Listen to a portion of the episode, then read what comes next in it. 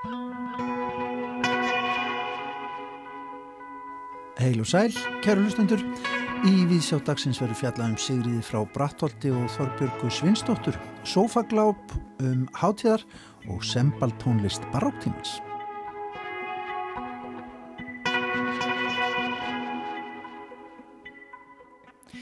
Í dag kynum við til leiks nýjan pislahöfund hér í Vísjá. Dalrún Kaldakvísl Eigerðardóttir er sakfræðingur og líkt og flestir sakfræðingar þá hefur hún gaman að því að líta tilbaka og skoða hérna ímsu afkema sögunar. Hún hefur einbeitt sér að því að horfa tilbaka frá sjónarhorni feminisma og skoða meðal annars sögu hvenna sem voru á jæðri gamla bændasamfélagsins, förukonur og einsettukonur. Einnið hefur hún skrifað um kynferðsofbeldi gegn vinnukonum og um skipnarkonur sem stunduðu miðilstörf á uppgangstíma andatrúar hér á landi. Hér í viðsjá á næstu vikum mun Dalrún fjalla um viðhorf íslenskra kvenna fyrra á öldum til íslenskrar náttúru. Í pislið dagsins fjallar hún um framlag tveggja fyriraldakvenna til náttúruvendar á Íslandi og beinir sjónum að aðgerðasinnunum Sigriði frá Brattholti og Þorbjörgu Sveinsdóttur sem að lögðu mikið í sölurnar til að vernda strömmvötn og lífríki þeirra. Haldur Bjarki Arnarsson spilar jöfnum höndum á sembal, orgel, piano og horn en er þar að auki liðtækur á ymiskonar íslensk þjóðlaga hljóðfæri sem liðismæður í fjölskyldu hljómsutinni Spilmenn Ríkinis. Hann hefur einnig fengist við tónsmíðar hann Haldur Bjarki samið raftónlist og hljóðfæratónlist en í dag stundar hann framhaldsnámi sembarleik í Sviss. Á morgun heldur Haldur Bjarki hátegistónleika í Salnum í Kópói þar sem hann hegst kannad þær andstæður sem engjana sembaltónlist baróktímans. Við lítum í heimsótt til Haldur Bjarka í þættinum í dag. En þáttinn byrjum við á vangaveltum um liðið ár, það sem koma skall út frá sófaglápi yfir hátíðarnar. Halla, fara orðið. Já, við erum mætt aftur til leiks hér í Viðsjá, fyrsta vika í hverstagsleika, komin vel á veg. Við mættum reyndar eitthvað hingað í efstalitið á milli jóla og nýjárs og sendum meðal annars út eins konar uppgjörsþátt í samfunnu við lestina og góða gesti. Þar bar auðvitað ímislegt á góma, þó ekki hafi verið hægt að tæpa á öllu því sem að hæst bar. Menningar árið var safaríkt þrátt fyrir allskins nýðursveiblur á öðru ári í heimsfaraldri og það endaði með stæl hér í sjónvarpi allra landsmanna. Hressandi endalokk á menningar árinu var frumsýning hér á Rúf á henni nýju íslensku sjónvarstáttaröð Verbúð. Það var ekki mikið um stór jólabóð þetta árið frekar en það síðasta en í mörgum jólakúlum og svo auðvitað í risa jólakúlu samfélagsmiðlana var þetta greinlega efnið sem að náða kveika í fólki. Þættirnir gerast í ónemdu sjávarplási fyrir vestan þar sem að vinapur fá tækifæri til að eignast tógara. Aðalpersona fyrstu þáttan á svo sem að keirir svona í gang, eiginkona tógara skipstjórans, virðist ætla að leggja alltaf veði til að komast yfir bæði tógaran og fiskvinnsluna. Við hefum svo eftir að sjá hvernig vinahjónin spila ár því sem að þau fá að hendi og hvernig kvótakerfið á eftir að leika á þorpið. Í þessum fyrstu þáttum voru kynntar til leiks personur sem að verður áhugavert að fylgjast með og ekki skemmir frábær leikmynd og búningar fyrir sem ná að draga fram tíðarandan á litrikan og oft skoplegan hátt. Hér er á ferðinni innihaldsríkt efni, blessunlega löst við víðar landslagsmyndir og drónaskott en það er hugmyndin fyrst og fremst að segja sögu um okkur og fyrir okkur. Fólk getur haft á því skiptarskoðanir hvernig efnir unnið en hér er komin íslensk serja sem að samfélagi getur speiklas í og það er vægastagt rasandi að fá þannig efni á skjáin. En auðvitað er speilmyndin ekki alltaf auðvelt. Ég hugsa að fáir hugsi til þessa tíma í romantískum nostalgíu ljóma eftir áhorfið.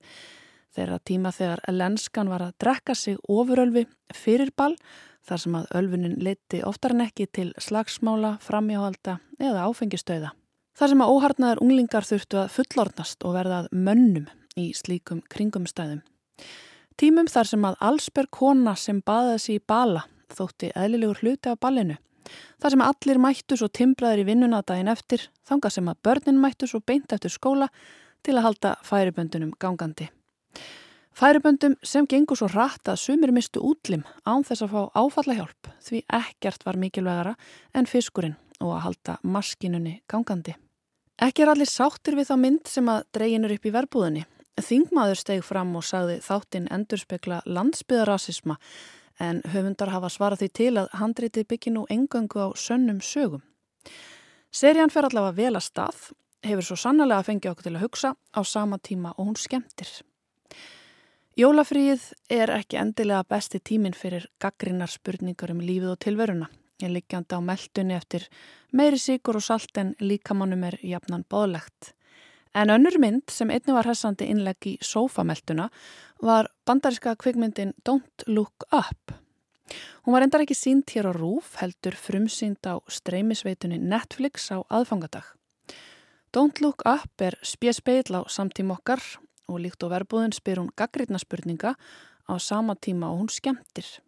Vísindamenn, leiknir af stjörnuleikurunum Leonardo DiCaprio og Jennifer Lawrence komast að því að lofsteinn er á hraðilið til jarðar.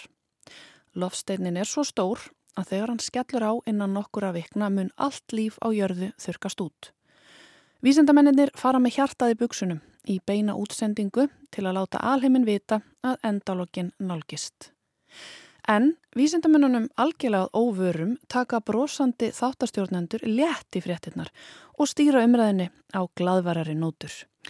En það eru áhorfendur þáttarins með mun meiri áhuga á að vita hvernig jarðineskar stjórnur nærast, klæðast og sofa hjá. Og pólitíkusar með meiri áhuga á að vinna kostningar en að takast á við heimsendi. Vísindamenn verða geðsjúkir ligarar og bandaríski fósettin er leikin af Meryl Streep með derhúfu með álutruninni Don't Look Up á höfði lofar þegnum sínum að heimsendir sé ekki í nánt. Þegar staðrendir aftur á móti verða áþreifanlegar og fórsetin áttar svo að því að björgun frá heimsendi geti mögulega verið góð fletta í kostningabaratu, stýgur hún fram á sviðið sem bjargvættur, með ríkasta mann heims sér við hlið. Sákarakter er einhvers konar blanda af Elon Musk, Bill Gates og Steve Jobs. Hann ætlar að bjarga mannkinni frá glötun með nýjustu takni sem hann hefur þróað en auðvitað er hann einnig með sinn eigin enga björgunabátt skildi allt í alvöru fara til anskotans. Því þegar allt kemur til alls þá eru við auðvitað ekki öll á sama báti. Allegórian ætti hér að vera orðin nokkuð skýr Við horfum upp á andvaraleysi mannskeppninar gagvar því sem er að gerast fram fyrir augum hennar. Heimsendir nálgast en hún er svo upptekinn í manngerðum fróðuheimi að hún tekur ekki eftir því eða ákveður að horfa í náttina. Og til að minna okkur ennfrekar á meðvitundarleysi okkar nota höfundar aðferði satírunar til að matriða söguna og framandgera atbyrrásuna ennfrekar. Hér er fjallaðum heim sem brennur á meðan við brósum fram henni síman okkar, speilmynd samtímans og meðan gróðamaskinan grillar á okkur öllum hausin með nýri neysluvöru, megrunaröppum, personleikaprófum, myndaforutum og öðru tilgangsleysi, halda ríkustu menn áfram að grilla plánituna. Móka burt heilu vistkerfinum svo að við getum borða meira avokado með sojadryknum. Allt gerist þetta okkar vakt. Engin virðist spyrja gaggritna spurninga nema kannski Greta Thunberg. Stjórnmálamenn skipa enn fleiri nefndir og tala um plön fram í tíman á meðan sjórin, súrnar og jöklarni bráðuna fyrir fram að nefið okkur. Í staðis að tala um heimsendi og hætta að neyta óþarfa höldum við áfram að rýfast inn í sápukúlunum okkar. Í staðis að vakna til meðvitundar og gera eitthvað annað en að þjóna markaðsöflum sem stýra tilver okkar fljótum við áfram sofandi að fegðarási í bókstallari merkingu. Já, Pælingarnar í Don't Look Up eru kannski ekki þær léttvægustu hér í upphafi árs þó að þær séu matreitar á skoplegan hátt. En þetta er staðan og þetta er dauðans alvara. Okkur barst einn gleðileg frétt frá Fraklandi í upphafi árs en það er nú bannað að pakka öllu grammiti og öllum ávustum inn í plast. Lítið skref í áttað Björgun heimsins sem er gleðilegt en alltaf kemur það jafn mikið á óvart þegar heyrist af ráðafólki sem að tekur svo einharða afstöðu strax í dag.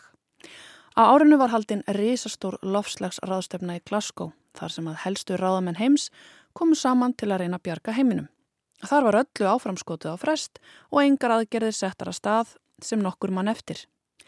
Það er ekki erfitt að missa vonina á pólitíkina og það læðist að manni ískikilegur grunur sem að einmitt byrtist okkur í þessari amerísku stórmynd. Á kannski bara stóla á að þetta eina prósent heimsins sem á alla peningana kom okkur til bjargar. Elon Musk er maður orsins 2021 að mati Time tímaritsins.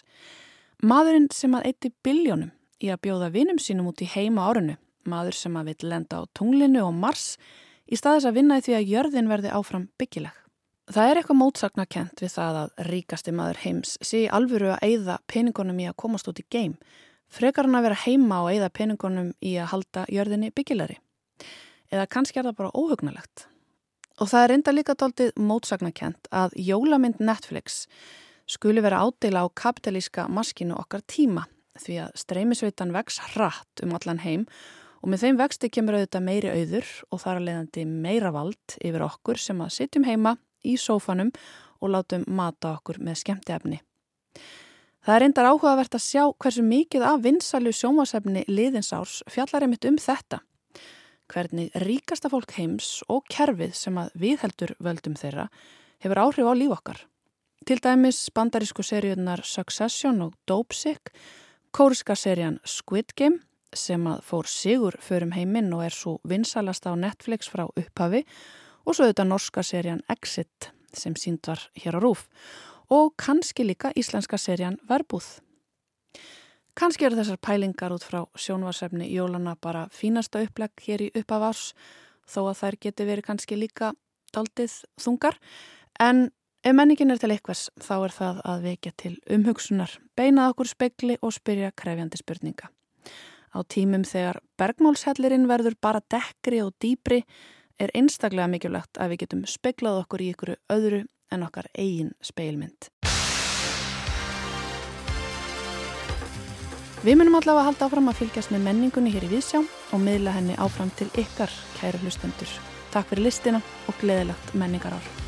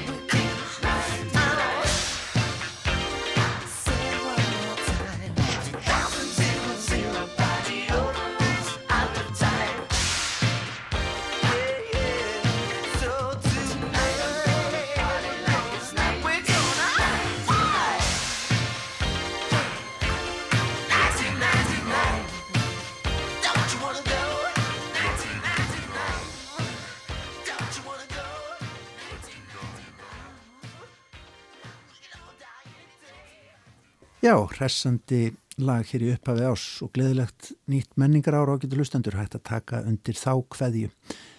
Við vonum að listinnar og menningin verði bara, já, sem geggjúðust á árunu, út það farið. Við hefjum árið 2022 hér við sjá á læginu 1999 með Prins frá árinu 1982, svona skrítið er þetta. Já, en þá ætlum við að fara aftur í tíman en þá lengra. Dalrún Kaldakvísl, sagfræðingur og nýrpislahundur hér í Vísjá ætlar á næstu vikum að fjalla um viðþorf íslenskra kvenna fyrir öldum til íslenskrar náttúru. Í pisli dagsins fjallar hún um framlag tveggja fyriralda kvenna til náttúruvendar og beinir sjónum að aðgerðasinnunum Sigriði frá Brattholti og Þorbjörgu Sveinsdóttur en þær lögðu mikið í sölurnar til að venda strömmvötn og lífriki þeirra. Íslandsagan býrað ótal náttúrulýsingum sem miðla hugmyndu manna hverju sinni um landið og náttúru þess, miðla viðhorfarsögu íslenskrar náttúru. Eitt megin enginni íslenskra náttúrulýsinga öldum saman var að þær voru nær einungis settar á blað af karlmönnum. Allt frá óljósum lýsingum á eilandinu Túle til skrifa skálda, sagnarittara og náttúrufræðinga eftir að Ísland byggðist. Sá skortur á kvenlegri sín í skráningu viðhorfa til náttúru Íslands, öldum saman, odlið því að hugmyndir og viðhorf fyrri alltaf frónkvenna til íslenskra náttúru er að miklu leiti hulinn, en þó ekki með öllu. Viðhorf kvenna til íslenskra náttúru fyrir á tímum má finna á strjáli í minnjum og reytheimildum fyrir alda. Þeirra gætir allt frá munum á borðið útsömsverk kvenna er miðla fegurinn náttúrunar í saumarsporum, til varveittra orðra kvenna um íslenska náttúru. Sól af östur ströymi stígur, stafar gesslum djúpin blá. Orti Júlíana Jónsdóttir, fyrsta konan sem gaf út skáldverk hérlendis árið 1876. Það er þó fátt sem vittnar betur um viðhóru mannana til náttúrunnar en aðgerðir manna. Aðgerðir er varða með beinum hætti hag náttúrunnar. Spurningin er Hvað segja aðgerðir fyrirtíma kvenna um viðhorf þeirra til náttúrinnar? Í því skinni að varpa ljósa á það efni beini ég sjónum mínum hér að vendunar aðgerðum íslenskra kvenna fyrr á tíð í þái náttúrinnar. Konum sem teldu fram eigin lífi náttúrinnar til varnar. Konur sem í dag myndu flokkast sem aðgerðarsinnar eða aktivistar öðru nafni. Flytja mætti langa tölu um íslenskar konur sem lagt hafa náttúrunni lið í gegnum aldinnar. Umfjöldum mín hverfist um tvær slíkar konur sem voru uppi á 19. öld og á öndverðri 20. öld. Konur sem lögðu mikið í sölutnar til að venda strömmvötn og lífriki þeirra. Hér eru um að ræða kvenskörungana og náttúruvendarsinnana Sigriði Tómasdóttur frá Brattholti, Fossamóður og Þorbjörgu Sveinsdóttur lagsamáður. Þetta eru velþægtar konur í sögunni sem nokkuð hefur verið fjallað um í skrifum sem hér er stöðust við.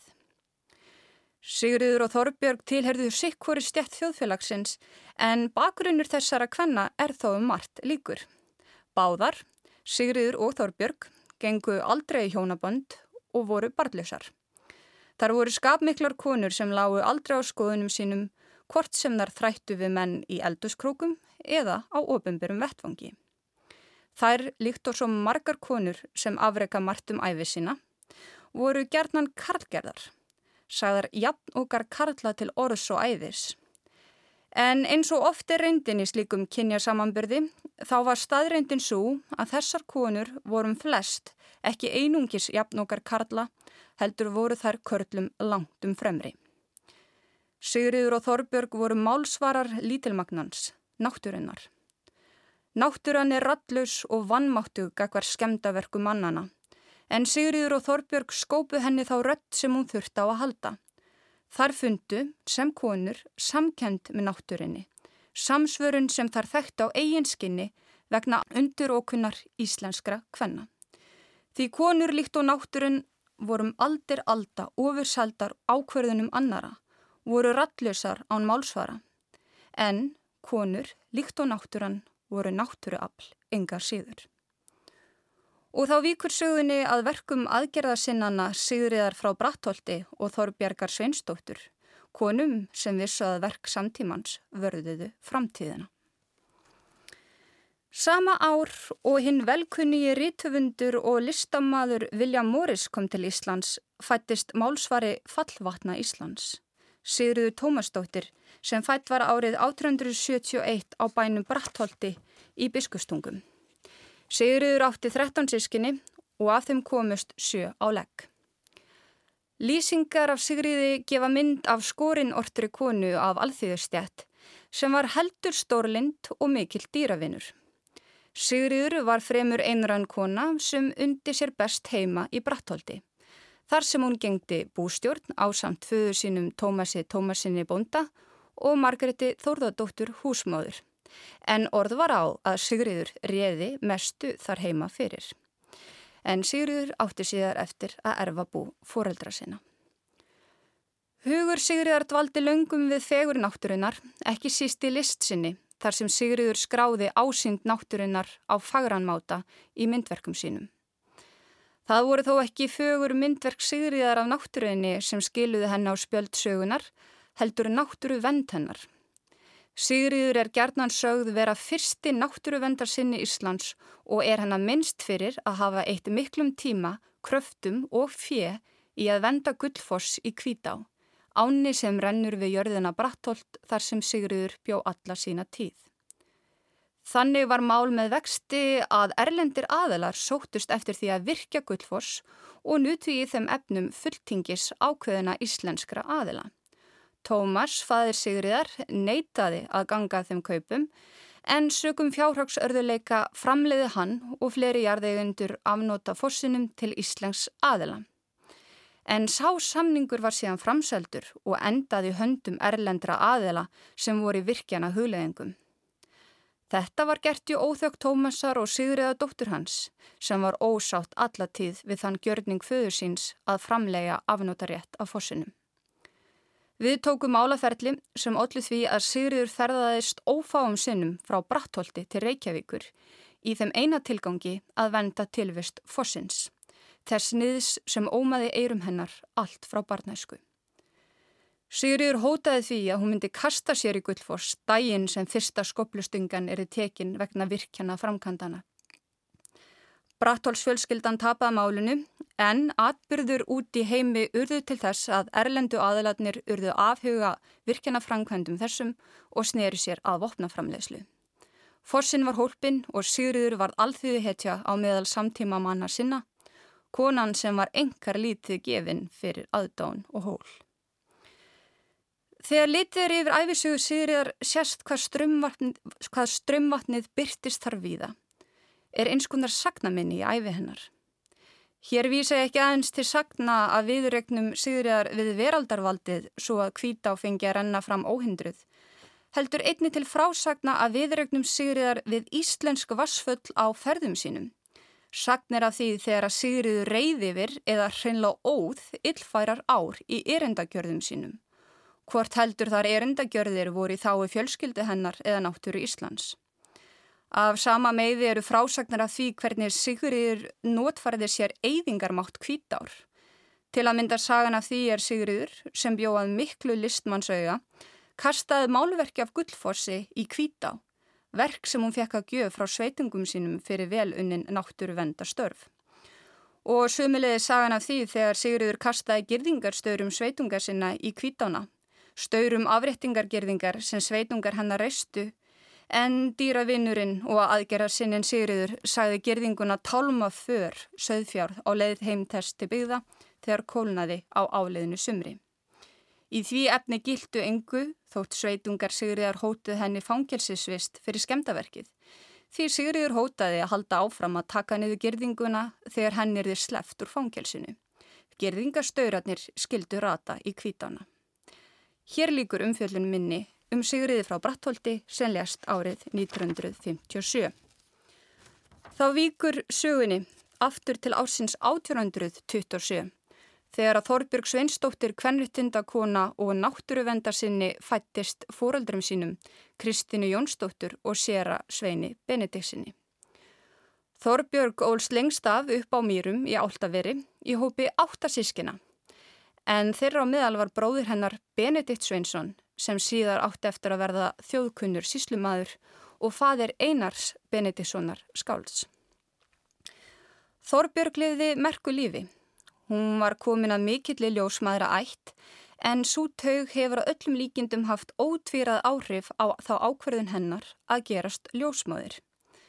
Þorbjörg namn ljósmaður fræði í Kaupanhöfn en sneri aftur heim að prófi loknu þá 29 ára gömul.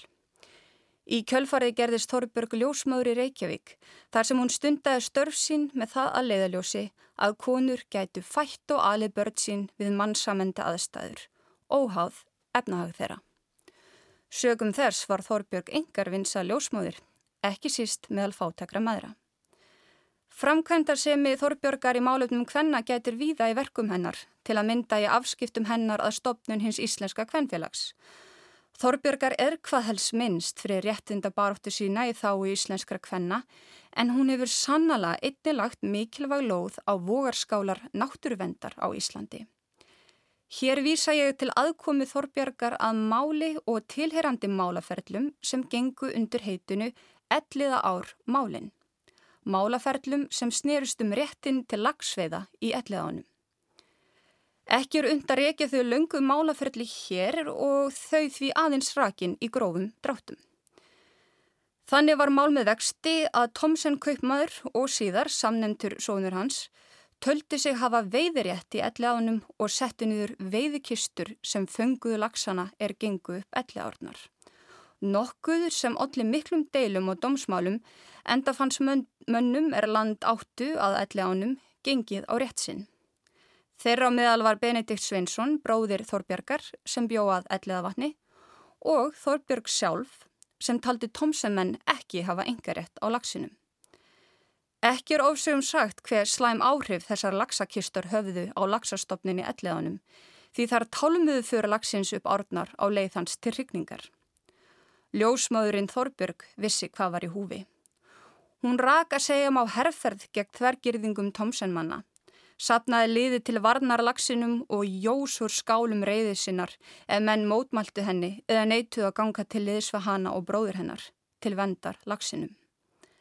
Þannig minnir Þorbjörg á þjóðsagnakendu veruna lagsamóðurina sem sögð var vera vera risavaksinn sem tryggði líf lagsa í ám og vötnum á Íslandi með tilvist sinni og aðgerðum, svo sem með því að skera á net veiðumanna.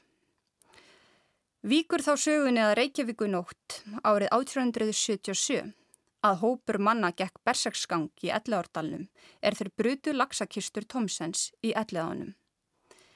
Heimildir eru fyrir því að Þorbjörg hafi þar verið forgungu kona, að hún hafi ekkjað mennina til skemdaverkana og sjálf tekið þátt í egnarspjöllunum, þá dullklætt sem karlmaður. Aðgerðarsinnin Þorbjörg var farið í varðhald í hegningarhúsið á skólavörðustík en fangavörðurinn, fangavörðurinn harð neytaði að læsa frú Þorbjörgu í fangaklefa. Þessi stað hýsti hann aðgerðarsinnan Þorbjörgu á heimili sínu þar sem hún dvaldi í nokkra daga við góðar aðstæðir. Hér er um að ræða fágetan sögulegan atbyrð þegar að gæslumadur lag og réttar gengur gegn frumskildur starfsins og fylgir þessi stað eigin siðferði. Það skildi enginn fangelsa Þorbjörgu sem barðist í þái lítilmagnana, hvort heldur það voru konur, fátæklingar eða varnalösir lagsar.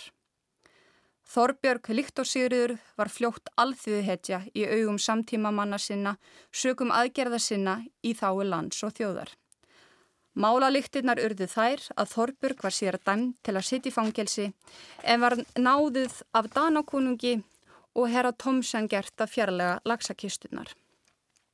Hér líkur umfjöllin minni um Þorbjörgu Sveinsdóttur erljast árið 1903.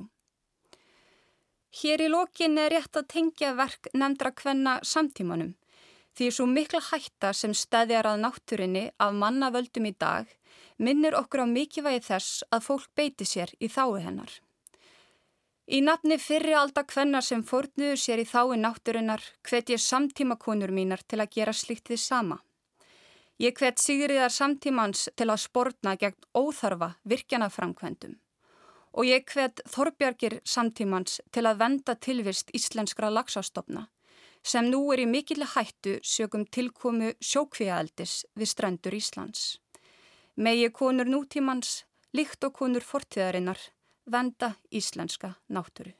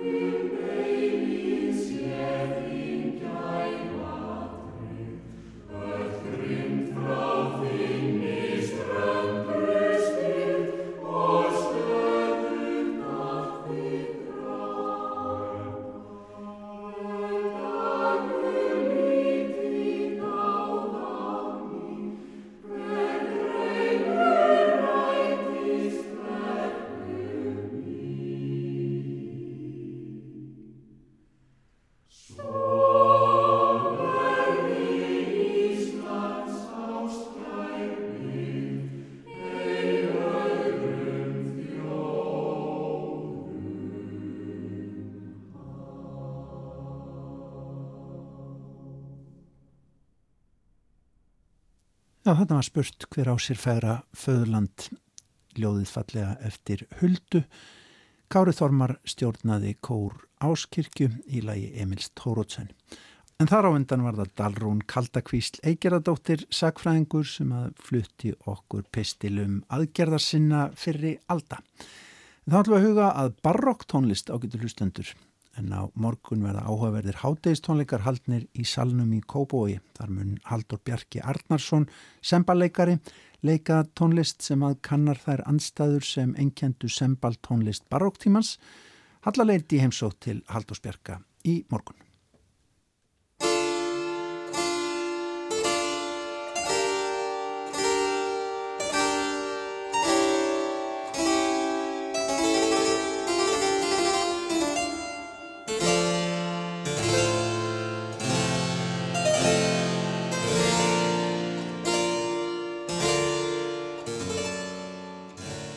Sæl Haldur Bjarki og takk fyrir að taka á mótu mér inn hérna að heima hjá þér við, við hljóðfærið. Sæl og blessuð, takk fyrir. Hérna, mér langaði að byrja á því að forvitnaðast um sembalinn, um þetta hljóðfæri uh, sem á hugþinn allan, held ég. Um, þú spila líka á orgel, piano og horn en leggur stund á meistarnám í sembalig í Sviss, ekki satt. Segðu mér svona aðeins frá þessu hljóðfæri og svona þinni leið að þessu ljóðfæri? Um, sem sagt, semballin er hann er, fyrir þá sem ekki þekkja þá er hann eh, eins og forveri píanósins eða skildur píanóinu og var notaður í, í hérna endurreysn og barokk tímanum og inn á klassiska tímabilið sko og það sem eiginlega er frábriðu píanóinu er að hérna strengin eru plokkaðir með svona litlum fjöðrum í staðin fyrir að vera sleiknir með hamri. Og hérna það sem er líka svolítið öðruvísi við tónlistina frá þessum tíma sem er skrifuð fyrir sembalinn er hvaða er mikið frelsi í því og mikið sem að tengist um, alls konar spuna og skrauti og svolítið sem að já, sem að þegar ég prófaði það það var alveg nákvæmlega það sem átti við mig sko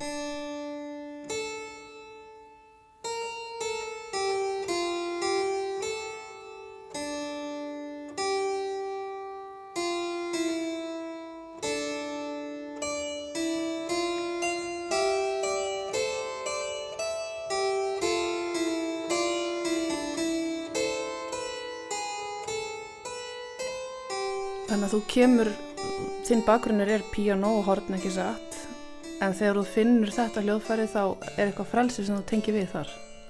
Já, innmitt Já, ég prófaði ímislegt og, og er svona mér finnst gaman að festa ekki alveg í einu sko. En já, það er eitthvað við að hérna, til dæmis þegar maður spilar í þegar maður spilar í samspils uh, hóp eða um, í stærra samhengi á sembalinn þá fær maður oft bara bassalínu og svolítið eins og í djassi og, og tölur og svona sem að segja hvaða hljóma maður á að spila. Og þá er, fer það bara mjög mikið eftir hvað maður skilur tónlistina vel og hérna hvað maður vil gera og hvernig skaf maður er hvernig maður útfæri það. Á magna finna þarna að það sé eitthvað svona flötur í jazzinum og barrokkinu. Já, akkurat Já, það kom þessi það kom kannski svona í ég var að segja á átjándu og nítjándu öld og, og líka í byrjun 20. aldar um, og kannski já, jámel mest á 20. öld kom þessi þessi mikla hyggja í klassiska tímabilun eða þú veist í sagt, í klassiska heiminum að hérna að maður þurfi bara að spila nákvæmlega það sem stendur á nótunum og það, það já, það er svona frekar nýlega sem það gerist og þá náttúrulega spratt líka kom jazzin út úr því sem einhvers konar svona revolúsjón Akkurat. Á þessum tónleikum þá ætla þú að, þú segist hérna að kanna þessar anstæður sem að enkenna sembal tónlist barokk tíman. Segðu mér þess frá þessum anstæðum. Já, einmitt. Sko, það sem maður hefur kannski heyrst um, spilað af sembal er oftar en ekki einhvers konar fúgur og, og eitthvað eftir bakt til dæmis eitthvað mjög formfast. Það sem maður það er búið að búa til flókin vef sem að einhvern veginn manni, manni finnst ekki vera mikið plássi og er ekki mikið frelsi í tólkun en það er nefnilega líka hinn hliðin þar sem maður er með heilu kaplana þar sem allt er alveg frjálst og kannski ja, vel engin grunn púls.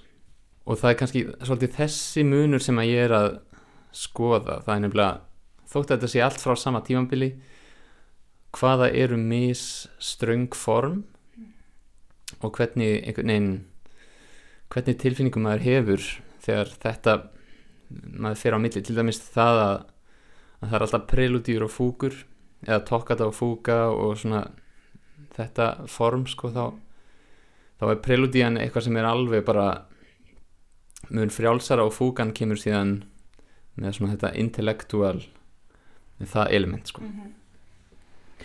En þetta er einmitt aldrei svona enkenni, er það ekki á þessum barokk tíðaranda, þessa anstæður, við sjáum þetta einmitt líka bara í arkitektúr þar sem að þessi klassísku form ofan á þau hlaðast einhverja svona, svona skreitidúlur og þetta blandast allt saman á sama tíma og í myndlistin í málverkinu þá fer alltaf snúast um anstæður, ljós og skugga.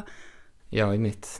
Já, þetta er alltaf, þetta er svona sama fagurfræði mm -hmm. í tónlistinni og það sem ég líka að skoða eru pínu misnandi stílar eftir löndum því ég er með franska tónlist og þýska tónlist.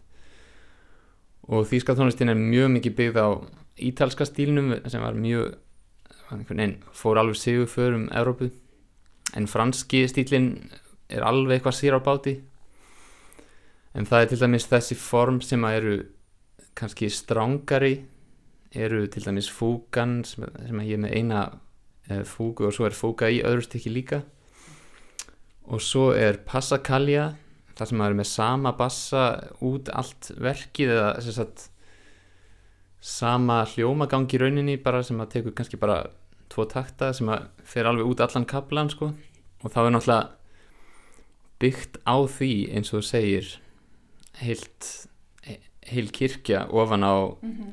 þann grunn Einmitt. með skrauti og með alls konar mjög flóknum svona fígurum Mm -hmm. tónlistasagan er bara endalaus hérna bara endalaust að skiptast á milli þess að vera eitthvað sem að er að reyna að brjótast á móti því sem var. Og það er svona það er mjög áhugavert þegar maður fattar það. Einhvern veginn að klassíska tímabilið eða vínarklassíkin var bara er eitthvað svona ótrúlega öðruvísi en það sem var bara kannski tíu árum áður í, í barokkinu. Og hérna og það voru líka til dæmis það er alveg barokk og klassísk tónlist. Það er, var kannski samin á sama tíma af fólki sem var mist gamalt og og svo kemur romantíkin og þetta er allt saman bara fólk sem er þreytt að því sem var einhvern veginn. Tísku strömmar Það fer allt í ringi og þú ætlar svona að sína okkur á þessum tónleikum hvernig þessir heimar mætast. Já, í rauninni og, og hérna kannski þetta er aðalega einhvers konar hábarokk tónlist sko. Eh, það er eitt sem er sol, samið svolítið fyrr það er hérna svolítið skemmtilegt konsept.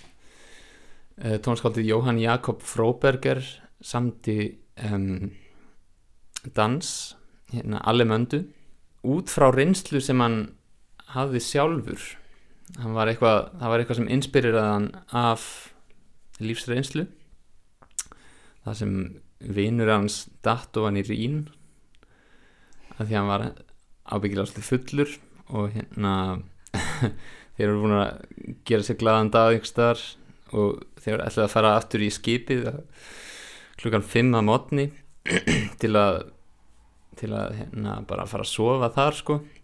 En það var einn sem að komst ekki upp í skipið og datt á hann í rín og, og það var mikið einhvern veginn svona fótur um þitt þannig já, þe- þetta er svolítið skemmtilegt hann skrifar danskabla og númerar staðina með hérna, tengingum inn í textan þannig að það sem ég geri er að ég hérna, ég segi söguna og svo set ég svona sound effects úr þessum dansi ég, já, til að undistrika það sem er að gerast í sögunni Þessi með við að vona á, á morgun á tónleikunum að fá að sjá þetta bara live. Já, akkurat miðju COVID-inu. Live saga frá þessum barokk tíma.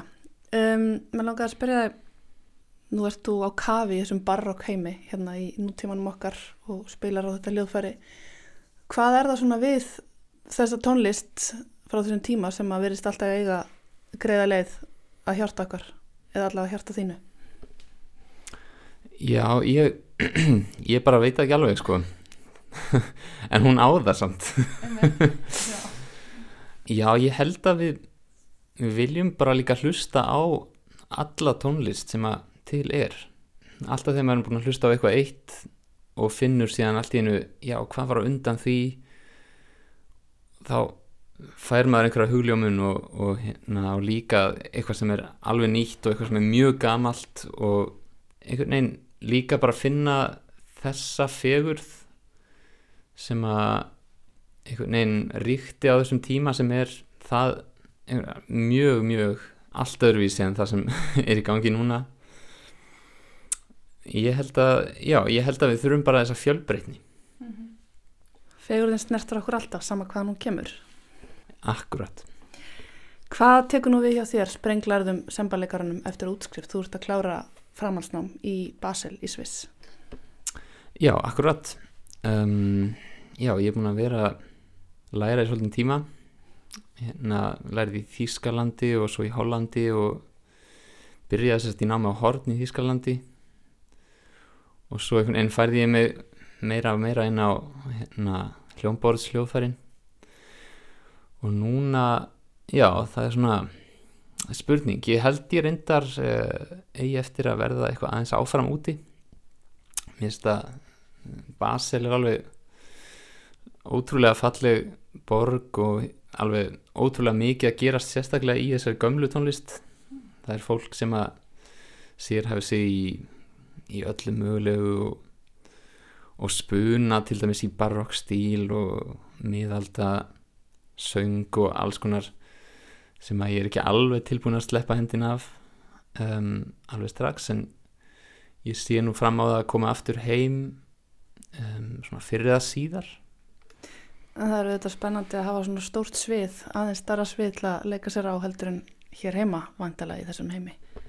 Já, einmitt Akkurat, Haldur Bjarki Arnarsson takk einlega fyrir spjallið og gangið vel með tónleikana á morgun og bara í Basel á barokksviðinu Já, takk kærlega fyrir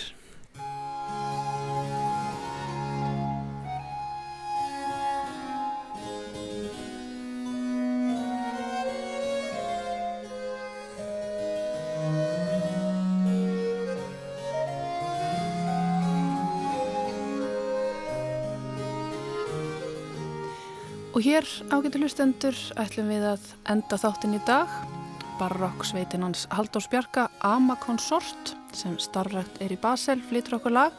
Við heyrum þau leika svítu af ennskri leikústónlist frá fyrirluta 17. aldar sem þau kalla Amask. Takk fyrir að hlusta og verið sæl.